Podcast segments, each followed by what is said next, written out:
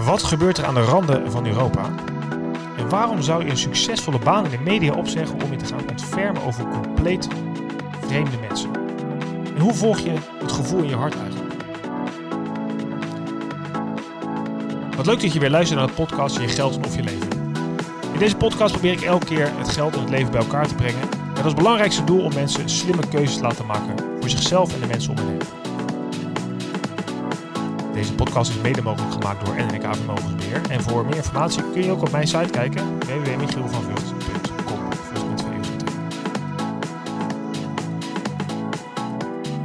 En vandaag ga ik in gesprek met Rob Timmerman.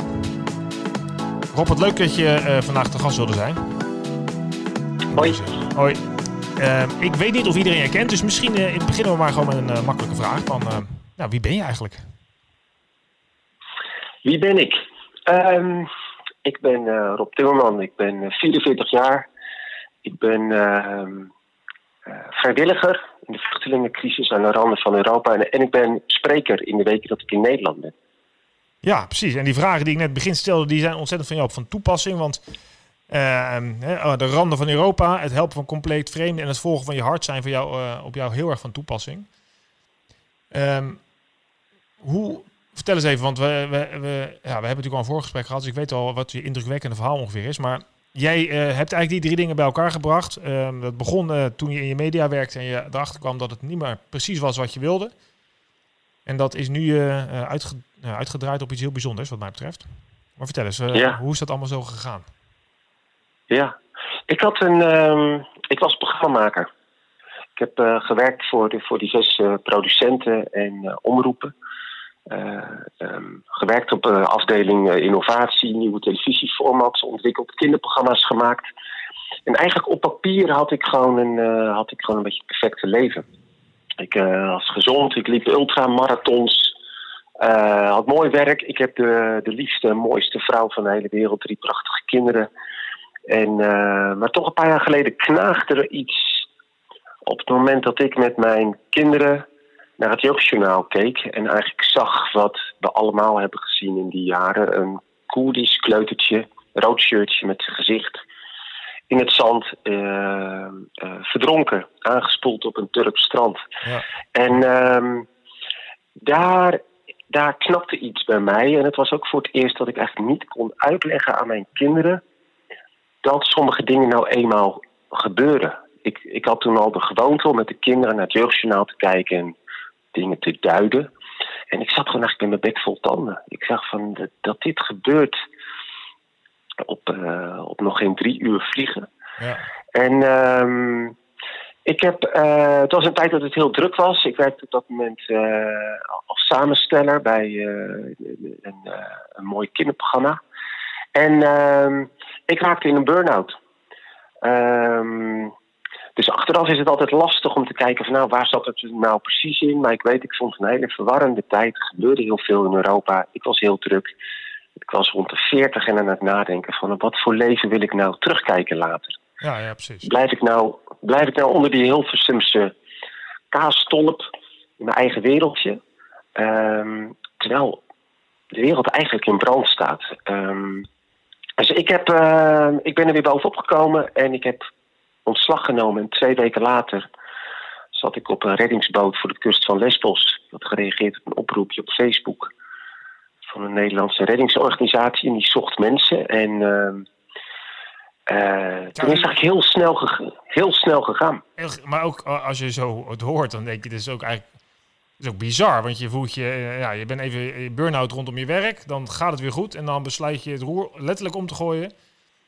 En dan uh, zit je ineens op, uh, op een compleet onvoorbereid, kan ik me ook nog voorstellen, op een boot uh, mensen uit de zee te vissen. Ja, klopt. En, en ik, ik ben ook later wel vaak op, op, op aangesproken dat mensen zeiden van, maar ik dacht als je een burn-out hebt, dan moet je daarna de, de, de, de drie R'en in, in ja. acht nemen. Rust, reinheid, regelmaat. Maar ik kreeg denk ik ook een burn-out omdat ik niet mijn hart volgde en niet deed waar ik echt ten diepste in geloof. Ik kwam er in die tijd ook achter dat een van de diepste drijfveren, niet alleen van mij, maar van heel veel, misschien wel van iedereen is, is om van betekenis te zijn. Om een betekenisvol leven te leiden. Dat is iets dat gaat dieper dan aandacht krijgen, geld verdienen, succesvol zijn. Um, Maar het gaat over ook van betekenis zijn voor een ander. Ja. Eh, de ander als mens zien, zoals ik dat ook heel graag wil. Ik wil ook graag bij mijn naam genoemd worden en herkend worden en geliefd zijn. En dat is eigenlijk wat ik toen heb ontdekt. Dus ik moest juist het kantoor uit en de wereld in. En ehm, ehm, ik heb ontdekt, ja, dat was een tijd waarin ik ook echt van betekenis kon zijn. Ik heb daar en ook later op zee voor de kust van Libië ben ik betrokken geweest bij de redding van meer dan 2000 mensen. Mensen van wie ik oprecht kan zeggen dat ze anders verdronken zouden zijn. En dat is, een, uh, dus dat is het begin geweest van een, uh, van een, ja, is eigenlijk een hele grote stap geweest. Ja, dat snap ik. Um, ja. Maar dan, uh, ja, dan, dan kom je er dus eigenlijk achter van ik wil wat meer dan, dan de ideale baan voor de buitenwereld. Um, ik wil toch misschien wel wat meer van betekenis zijn. Ja, dan zoek je wel ja. gelijk een van de meest extreme vormen op. Want we kennen natuurlijk allemaal die verschrikkelijke beelden um, in, die, in die kustwateren rondom Europa. Ja. En dan ga je daar toch maar naartoe. Dan bedoel, had je altijd al gedacht dat je dit zou kunnen? Want ik kan me voorstellen, als ik eens over nadenk, dat, ook, dat ja, je redt veel mensen, maar tegelijkertijd red je natuurlijk ook heel veel mensen niet, neem ik aan. Dus ja, klopt. Nee, dat is een hele, dat is een hele terechte vraag. Um, uh, ja, want het ene moment zat ik gewoon netjes achter mijn bureau bij een, op een afdeling kinderprogramma's. En een aantal maanden later stond ik in een rubberboot tussen de lijken. Ja. Um, ik denk dat het, het, um, um, het urgente gehalte van dit werk, soms gaat het gewoon over leven en dood, dat past ook bij mij. Dus het is niet dat ik als ik op een reddingsboot zit, dat ik denk, was ik maar op kantoor. Uh, dus ik, ik kom ook tot mijn recht, ik ben ook op mijn sterkst als het er echt op aankomt. Daarbij moet ik wel aantekenen, ik, ik heb dingen meegemaakt die ik liever niet had meegemaakt. Um, maar ik denk dat ik ook op, die, op zo'n plek echt op mijn plek ben. Ik kan nog steeds in een situatie van leven en dood improviseren, een team aansturen. Um, dus het, het, um, ik kwam er ook wel achter dat dit ook wel past bij mij. Ja, nou en wat, um, ja. Wat kunnen wij daar dan van leren? Want wij zitten hier natuurlijk, als we dit opnemen, zitten we in, een, uh, in de coronacrisis. Maar mensen luisteren misschien over een jaar of twee ook nog eens terug. Dan is het hopelijk allemaal voorbij. En dan zitten wij toch in ons Nederland over het algemeen hartstikke goed. Mhm. Mm -hmm. vaak comfortabel, huizen, vrijheid. We mogen doen wat Ja. we willen, dus we hebben geen reden om weg te gaan. Um, wat, leer, wat, wat, wat heb jij allemaal geleerd? Of wat geef je nu je kinderen mee door alles wat je daarin meemaakt? Hoe kunnen we daar eens beter van worden of slimmer? Ja. Nou, um, wat ik heb geleerd is dat ik. Um, dat we in onze eentje, of ook met een groepje, de wereld niet kunnen redden. Maar bij heel veel leed wat ik ook zie, ook bijvoorbeeld nu weer bij die 40, uh, misschien inmiddels wel 45.000 vluchtelingen die nu ook nog eigenlijk gevangen zitten op Griekse eilanden voor de Turkse kust. Um, dat deze mensen willen, hebben me behoefte aan één ding. Dat is natuurlijk gewoon veiligheid, maar ook bovenal om weer gezien te worden als mens. En dat is eigenlijk een behoefte die zie ik ook met heel veel mensen om mij heen. Die op papier, net als ik, een heel succesvol leven leiden. Ja. Die bezig zijn met geld verdienen. Een, een, een, de super carrière hebben, heel druk.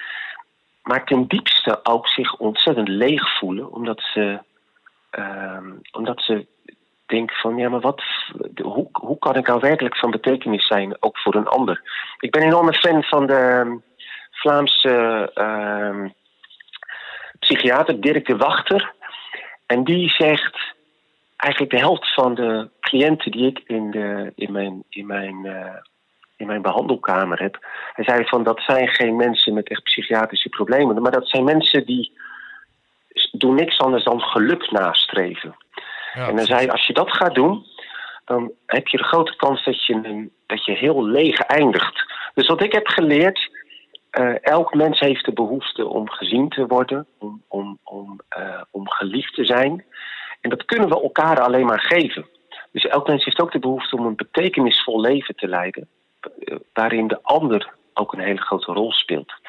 Um, dus dat heb ik, heb ik gezien. Dus het lijkt alsof ik in een vliegtuig stap en een ander ga redden. Ik heb juist in het contact met heel veel mensen die gevlucht zijn, daar ben ik, dat heeft me ook wel heel uh, bescheiden gemaakt. En heb gezien van, maar wacht even, jullie geven mij net zoveel als dat ik jou geef. Ehm, dus ik heb, het, ik heb het ook wel eens te doen met mensen waarvan ik denk hier in Nederland. Je bent heel druk, misschien heb je een dijk van een salaris, maar wat een leeg leven. En wat, en wat, uh, wat hunker je naar meer betekenis in je leven. Dus dat is zeker iets wat ik, wat ik ook altijd vraag aan, aan mensen. Van, van hoe wil je nou, wat voor leven wil je terugkijken als je 80 bent? Ja, precies. Uh, ja. Dat zijn natuurlijk hele mooie, maar voor sommige mensen ook hele confronterende vragen. En als je kinderen hebt, vind ik dat alleen nog maar prangender. Van in wat voor wereld ga je, ga je straks aan je kinderen doorgeven? Is dat een wereld waarvan je oprecht kunt zeggen: Ik heb ook mijn best gedaan om die wereld ietsje mooier te maken? Ik denk dat in onze maatschappij, wij zijn, zo, wij zijn best wel individualistisch, hoewel je in deze tijden toch wel weer collectief ziet ontstaan, wat wel mooi is, vind ik. Ja. Maar tegelijkertijd richten we ons, weet je, we hebben ook weinig reden om uh, na te denken over dat soort vragen, omdat het ons wel goed gaat. We hebben eten, drinken, we kunnen naar buiten, we hebben een auto, we kunnen een beetje werken. Ja, ja. Dus helemaal geen urgentie. Ja. Uh, nee, niet op, niet op een soort oppervlakkig niveau hebben we het natuurlijk gewoon ontzettend goed. En het, op het moment dat je de luxe hebt om je zorgen te maken over een pensioen dat je over 30, 40 jaar moet krijgen, reken maar, dan, dan behoor je bij een klein gedeelte van de wereldbevolking dat het gigantisch goed heeft. Um, en toch zie ik ook uh, leegheid. En is er ook niet voor niets zijn er zoveel mensen die uh, eenzaam zijn, die burn-out krijgen. Ik, voor mij las ik laatst in het boek van Rutger Brechtman, dat geloof ik, was een onderzoek geweest. En vroegen ze aan mensen van hoe voegt jouw baan iets toe? Ik geloof dat het een kwart was uit mijn hoofd. Een kwart van de mensen, als ze heel eerlijk waren, zeiden: Mijn baan voegt helemaal niks toe. en, dus nou ja, dat, ik hoorde vandaag toevallig een, een cabaret een stukje van Pieter Derks over de, de coronacrisis dus. En die, ja. het is ook een hard gelach, ik weet niet of je het hoorde. Maar als je uh, niet op de lijst van vitale beroepen staat, dan ben je dus nutteloos. Dat is eigenlijk de andere kant. Dus alle mensen die junior consultant zijn, het is allemaal zinloos wat je doet. En dacht, ja, ik voelde mezelf ook aangesproken en hij voelde zichzelf ook aangesproken. Maar het is wel waar natuurlijk. Weet je, heel veel mensen doen maar wat. Ja, eigenlijk best treurig ja. misschien. Maar ja, en ik had gisteren toevallig... Ja, kijk, nou, ik, ik, had ook een, ik had een opname met Onno Hamburger, die gaat over werkgeluk. En die zei ook dit, precies wat jij zegt. Dat als je geen zingeving vindt in je werk, dan is het eigenlijk gedoemd om dat ongelukkig uh, werk te worden. Ja. Ja. Dus ja, dat heb jij en dat, en dat, ja. ja. en dat, en dat hoeft niet eens werk te zijn. Hè. Dat gaat over... Um, maar natuurlijk, werk is nou eenmaal iets waar we, waar we op een soort absurde manier steeds meer tijd in steken. Uh, omdat je natuurlijk eigenlijk niemand bent als je maar gewoon 40 uur werkt, maar je moet minstens 50 uur werken. Dus ik heb het ook wel. Uh, ik, heb het, ik heb het ook wel te doen met ook mijn, mijn generatie, die heel hard aan het werken is, maar soms ook niet zo goed precies meer weet waarvoor. Um, en aan de andere kant, als ik op zee ben of bijvoorbeeld op Lesbos in Moria, dan uh, letterlijk bied ik ook heel vaak mijn excuus aan aan mensen. Omdat ik denk, en dit is, in al onze drukte is dit dus ook wat Europa geworden is. Een groot economisch fort en we zijn eigenlijk heel erg bang om te delen. Ja. En, uh, en, en we zijn dus ook bereid om gewoon uh, ons terug te trekken en dus ook de mens niet meer in de ander te zien. Gewoon heel veel angst. En ik ben een enorme fan, ik, er is een quote van Nelson Mandela. Uh, en die heeft ooit gezegd: mogen je keuzes een afspiegeling zijn, niet van je angst, maar van je hoop. Ja, um, en dat is, uh, die hou ik mezelf elke keer voor op het moment dat ik keuzes moet maken, groot of klein. Van wacht even, doe ik dit uit angst om tekort te komen, om er niet bij te horen? Ik kan me natuurlijk regelmatig een minkukel uh, voelen. Ik denk van, ja, als ik mijn carrière vergelijk met leeftijdsgenoten, ik denk, ja, wat ben ik nou precies aan het doen? En toch toch denk ik, nee, dit is nu het goede om te doen voor mij. Um, uh, want uiteindelijk gaat het niet over geld of over, uh, of over carrières, maar gaat het ook over wie we zijn voor de ander. Ja, maar ik, ik, ik vind het eigenlijk wel met je eens. Tegelijkertijd kan je natuurlijk ook, hè, dat, hoor, en dat hoor je ook wel in Nederland natuurlijk, van, ja, we zijn nou kennelijk doodsbang om dingen te delen en de grenzen moeten dicht, hoor je van... Uh, ja. Geluiden. Ja. en als ze de deuren open doen, dan komen er... Nou, er staan er 200 miljoen Afrikanen te wachten. Ja. Uh, dus er is daar heel veel angst voor. Maar, maar ja, ik weet het niet. Maar is dat ook niet ergens een bepaalde gereden angst? Ehm, Ja, de- ik ben ook niet iemand die zegt eh, er moeten geen grenzen zijn.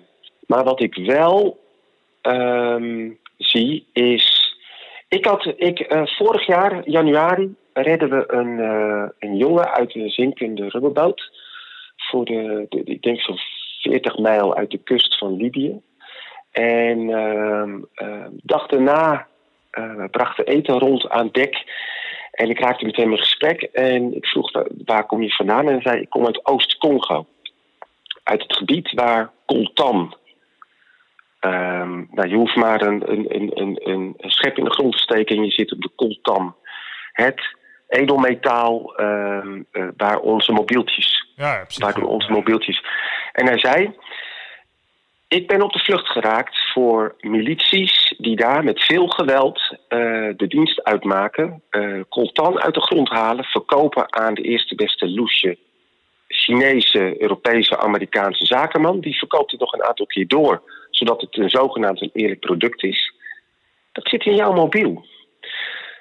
Dit is een voorbeeld voor mij om te denken van... eh, we kunnen niet zeggen laat iedereen daar blijven. Als we ondertussen ook dit continent wel grotendeels ook gewoon plunderen. Dus iemand die zegt: ik, ik vind het heerlijk om een wereldburger te zijn en daarom vlieg ik lekker naar Bali voor vakantie. En die op die manier ook bijdraagt aan klimaatverandering. Ja, ik- ik vind dat er niet meer dan volwassen dat je ook moet accepteren dat onze keuzes, ons eh, koopgedrag, dat heeft dus consequenties voor mensen aan de andere kant van de wereld. Ja. Ehm, dus, ehm, en op een meer existentieel niveau denk ik, ja, we leven hier ehm, op het rijkste continent op aarde.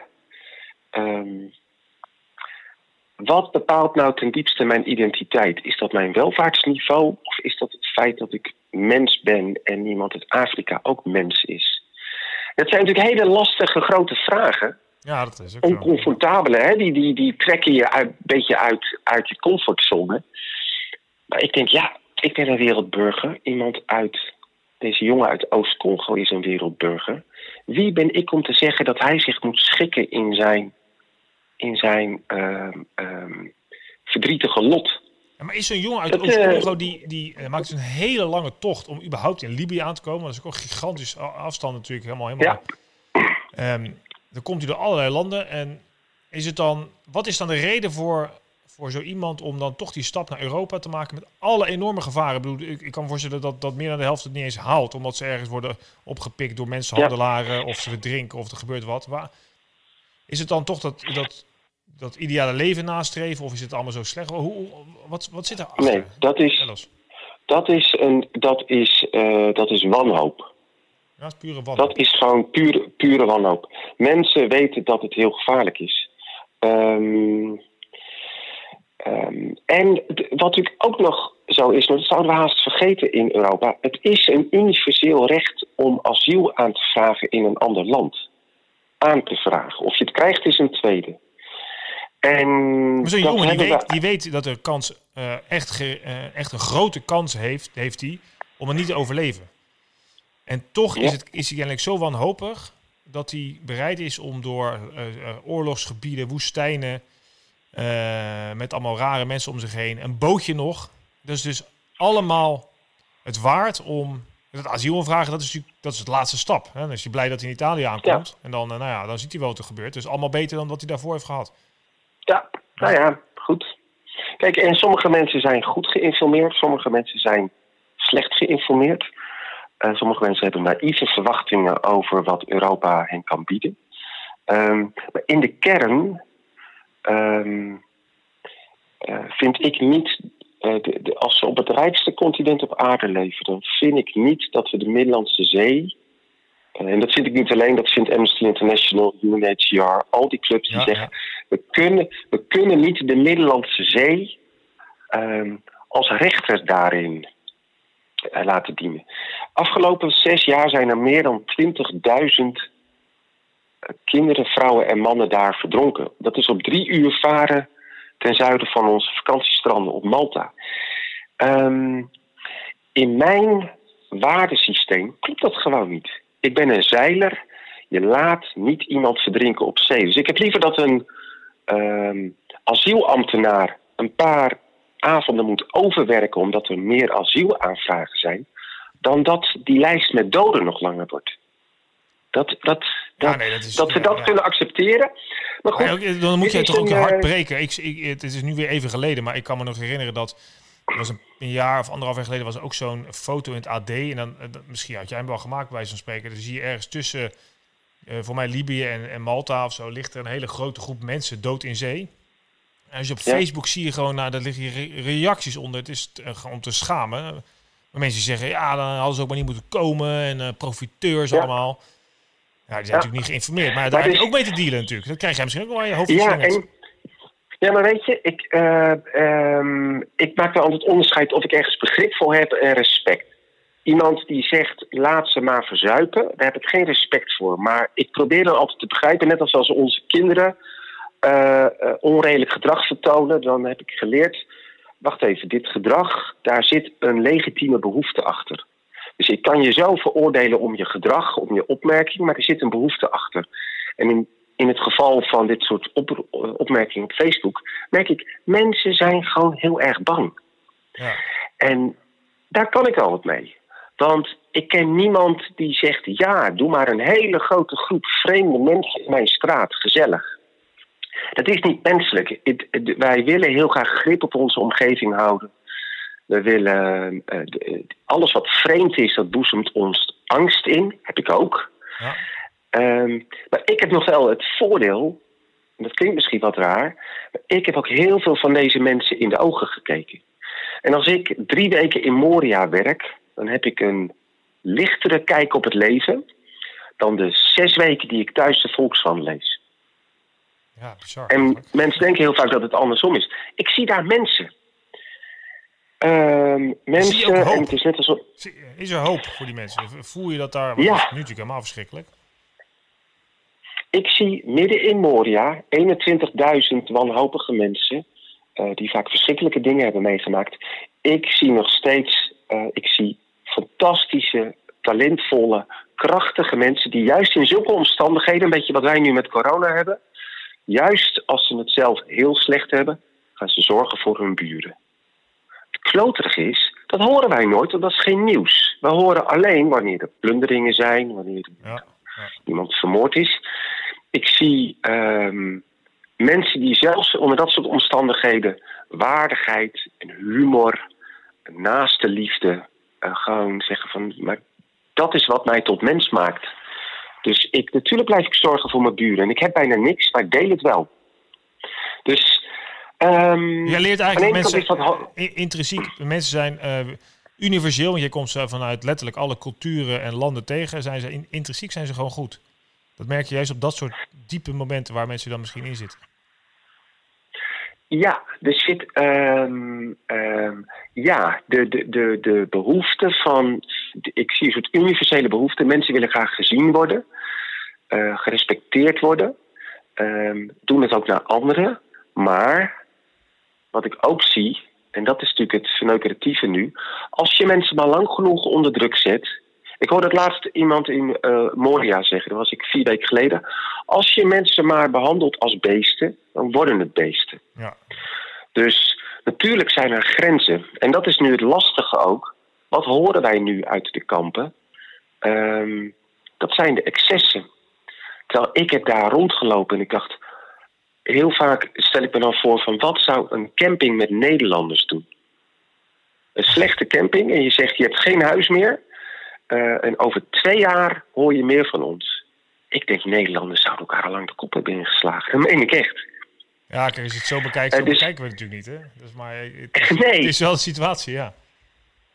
Dus, dus ik heb vaak enorm uh, respect voor hoe waardig mensen zich blijven gedragen in totaal mensonwaardige situaties.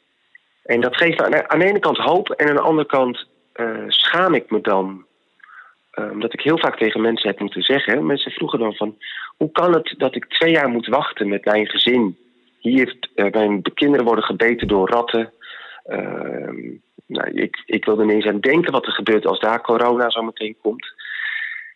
en ik heb heel vaak gewoon moeten zeggen: ik, ik, ik schaam mij gewoon ook voor, eh, voor Europa.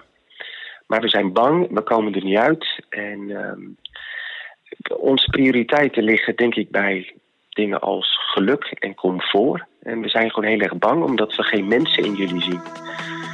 En ehm, in die zin gun ik iedereen een ervaring in Moria. En, en, trouwens ook een, en trouwens ook een milde burn-out. Daar begint het mee. Nou, dat is misschien wel een beetje mooi, want dan zouden we weer aan het einde van deze podcast aan het geraken. Dus wat, eh, hoe kunnen mensen nou, want die, ik kan voor mensen luisteren en denken, ja, je moet hier toch meer van weten. En ik hoop nog zoals meer over op lezen, of ik wil hem zien, of ik wil hem horen. Uh, ja. Hoe, hoe, uh, wat, hoe, waar komen ze achter informatie in? Oké, okay. nou, twee dingen voor mij begint betrokkenheid, hè, als het gaat over vluchtelingen, want dat vind ik gewoon een belangrijk onderwerp, begint het altijd met informatie. Lees goede boeken. Uh, weet waar je het over hebt. Als je. Uh, ik, ik, vertel mijn, mijn verhaal, hoe ik met vallen en opstaan ook dat heb ontdekt over betekenis zijn, wat ik heb meegemaakt, de mensen, prachtige mensen die ik heb, ook heb ontmoet, hoe ik vallen en opstaan werk probeer te maken van idealen. Dat zijn universele thema's. Dat verhaal dat stel ik ook bij bedrijven. Banken, vermogensbeheerders, reclamebureaus. Als mensen uh, daar meer van willen weten, uh, uh, dan kunnen ze mijn website bezoeken, www.robtimmerman.nl. Ja, ik, zet hem, ehm, ik zet hem in de opmerkingen van de podcast. Oké, okay, super. En je kunt mij uitnodigen als spreker, maar ik denk ook, en dat, dat doe ik heel vaak, ik denk ook graag mee met mensen die zeggen van hé, hey, ik wil daar iets mee. Er schuurt iets bij mij. Uh, wat zou ik kunnen betekenen voor een ander? Uh, maar ik weet, niet, ik weet niet zo goed hoe. Ik denk graag mee. Mijn telefoonnummer staat ook op de website. Precies. Um, ze weten, ja. op robtimmerman.nl kunnen ze je vinden. Ja, Rob, ik wil je ontzettend bedanken voor je bijdrage. Ik vond het een indrukwekkend gesprek. En uh, dankjewel. Ja, graag gedaan. Tof dat je, dat je hier ook uh, ruimte voor maakt. Ik vind dat uh, heel mooi. Daar wordt de wereld mooier van. Ja, dat, uh, dat, dat hoop ik ook. En um, nou, naast bedanken van Rob wil ik gewoon jullie bedanken voor het luisteren. En ik raad je absoluut aan om naar Rob's website te gaan. En, en ook gewoon deze podcast door te geven aan anderen. Want dit is een waardevolle boodschap toch even een kort kijkje in hoe het eigenlijk zit in, uh, in andere delen van de wereld. En waarom mensen eigenlijk doen wat ze doen. Um, en daar, dat is eigenlijk ook wel belangrijk, vind ik. Uh, het gaat niet alleen maar om onszelf, maar ook om de mensen om ons heen. Wil je meer informatie over weten en heb je vragen of ideeën aan mij, laat het weten via mijn website. En ik dank je wel voor het luisteren en tot de